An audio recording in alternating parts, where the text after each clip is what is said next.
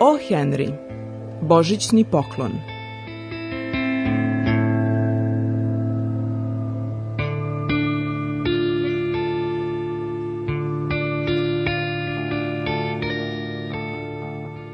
Život se sastoji od jecaja, šmrcanja i osmeha, gde jecaji preovlađuju. Dolar i 87 centi. To je sve a 60 centi od toga je u penijima. Penijima koje sam spasavala u spretnje bakalinu, piljaru, mesaru, sve dok mi se obrazi ne zažare od potajnog samouptuživanja za cicijašluk. Tri put sam prebrojala, dolar i 87 centi. A sutra je Božić.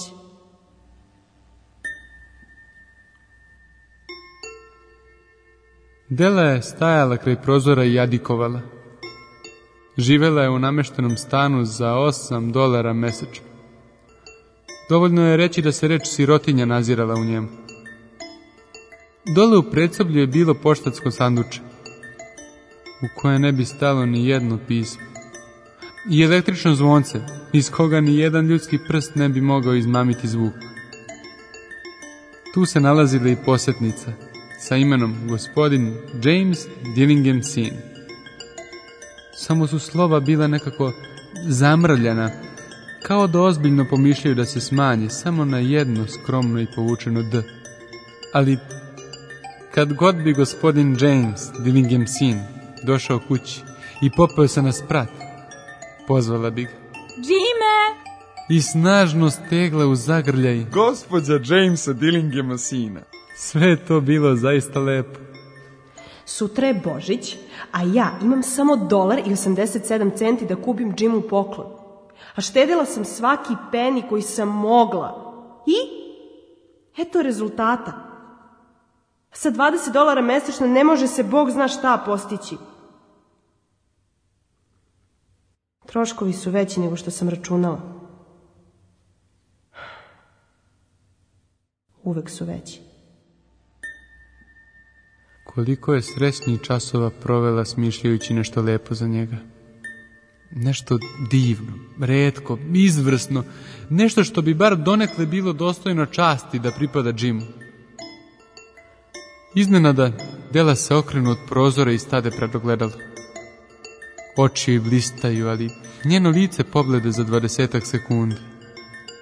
Brzo rastuće kosu i pušta je da padne koliko je dugo. Ellen, gospodin James Dillingham sin, posjedovao je dvije stvari na koje su oboje bili veoma ponosni. Jedan je Jimov zlatni sat, svojina njegovog oca i dede, a drugi je Delina kosa. da je kraljica Sabe stanovala u stanu s one strane hodnika za ventilaciju, Dela bi prostrla svoju kosu na prozor da se suši samo da bi omalovažila nakit i poklon njenog veličanstva da je kralj Solomon bio vratar sa svim svojim blagom natrpanim u suterenu. Jim bi izvukao svoj časovnik svaki put kada bi prolazio, samo da bi ga video kako zavidljivo čupka brada. I tako se sada deli na divna kosa rasipa oko nje, padajući u talasima i blistajući kao slap mrke vode. Dopire mi do kolena skoro da me odeo. A onda je ona opet skuplja. Nervozno i brzo, za časak se koleba i stoji nepomično. Suze padaju mi na tepih. Pohabani crveni tepih.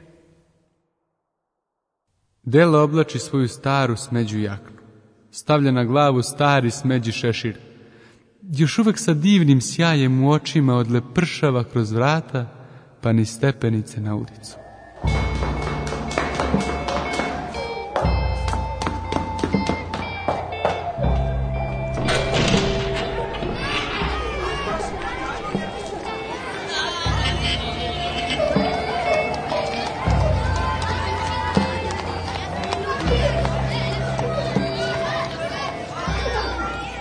Madame Sofron, trgovina svim vrstama kose. Kako je krupna, bela, ledena i ne liči mi baš na Sofroni. Izvolite. Hoćete li da kupite moju kosu? Da, kupujem kosu. Skinite šešir da vidim kako izgleda. Hm, da, da, 20 dolara. To bi bilo to, izvolite. Dajte mi ih brzo.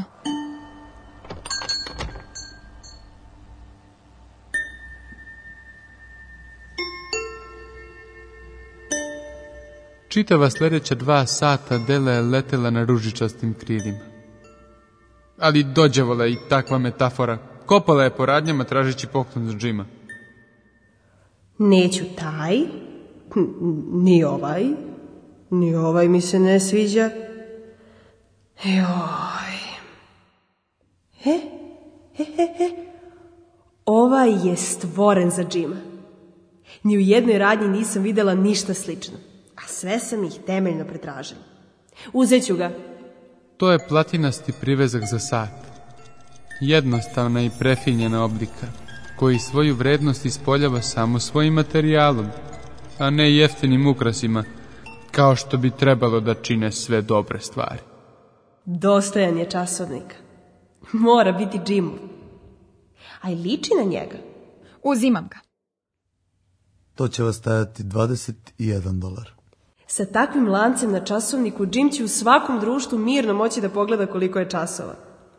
Mada je njegov časovnik onako divan, on kad kad baci pogled potajno, zbog onog starog kožnog kajša koji mu služi umjesto lanca.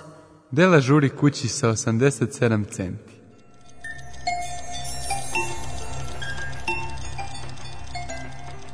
Kada je Dela stigla kući, njena opijenost ustupila je donekle mesto razumu. Izvukla je svoje gvožđe za kovrđanje kose i upalila gas. Pa se dala na posao da popravi pustoš što ju je načinila velikodušnost privažena ljubavi.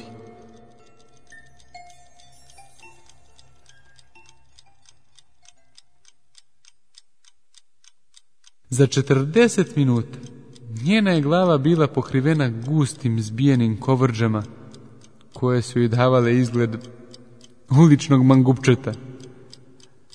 Posmatrala je svoju sliku u ogledalu, dugo, pažljivo i kritički.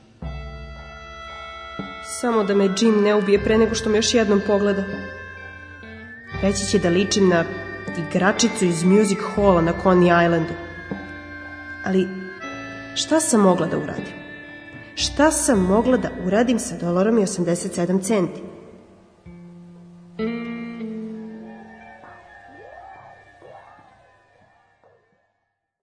Jim nikad ne kasni.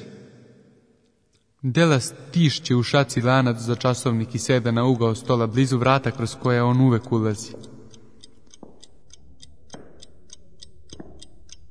Molim ti se Bože, neka pomisli da sam još lepa.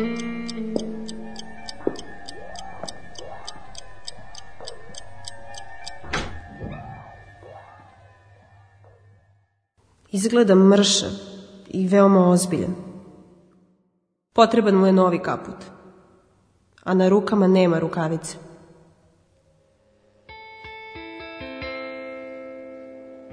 Stoji nepomično kao pas setar kad nanjuši prepelicu. Oči su mu prikovane za mene. U njime je neki izraz koji ne razumem. Samo netremice gleda u mene sa tim neobičnim izrazom na licu. Joj, zašto me tako gleda? Da li je to ljutnja? Ne. Ne, nije. Iznenađenost? Negodovanje? Ma nije. Užas? Ne, nije ni to. Joj, Jimmy, a zašto mi to radiš? Džime, dragi, a ne gledaj me tako. Dala sam da mi je ceku kosu i prodala je zato što nisam mogla preživjeti Božiće da ti nešto ne poklonim. A kosa će opet da poraste. To ti ne smeta, zar ne?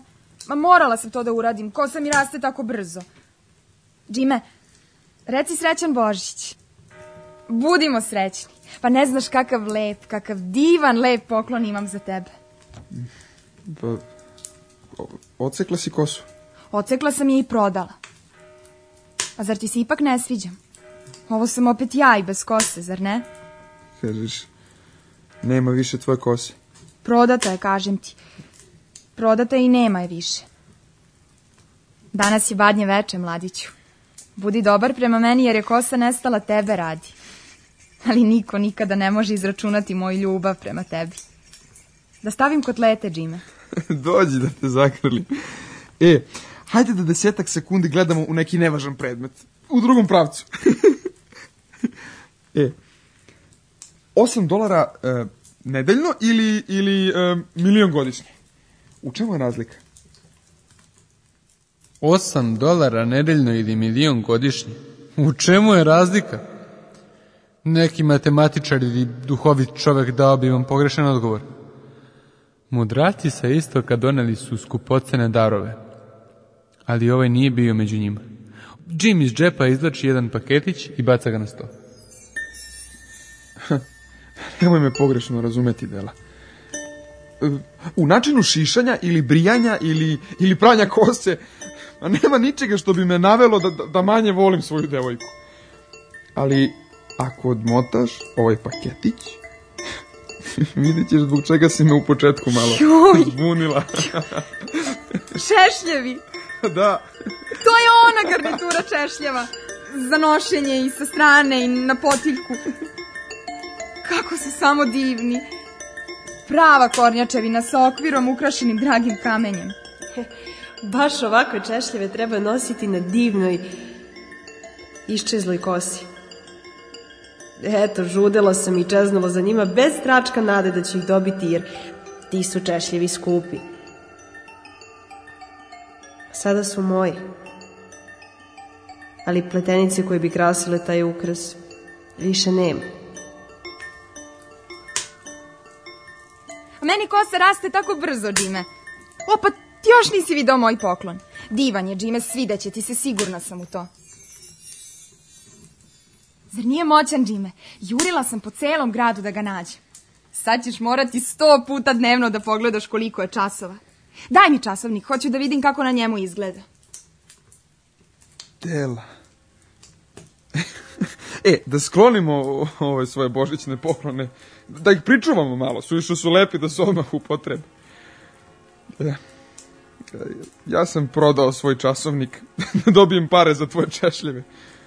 E, sada bi mogla da staviš kotlete da se peku.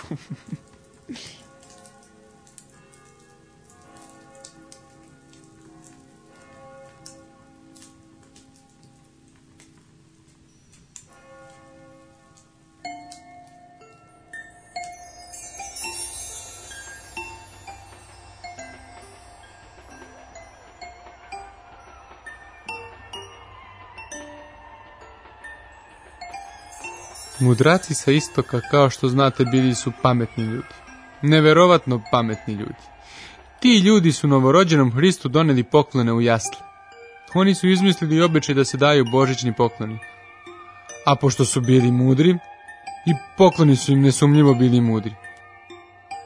Ja sam vam ovdje ispričao miran život dva budalasta deteta u jednom stanu. Dva deteta koja su strahovito nerazumno žrtvovala jedno drugome najveće dragocenosti u svojoj kući. Ali pri poslednjem obraćanju današnjim mudracima, kažimo da je ovo dvoje bilo najpametnije od svih koji nešto daruju. Od svih koji daju i primaju poklone, oni, njima slični su najpametniji. Svuda su najpametniji. Oni su mudraci sa istog.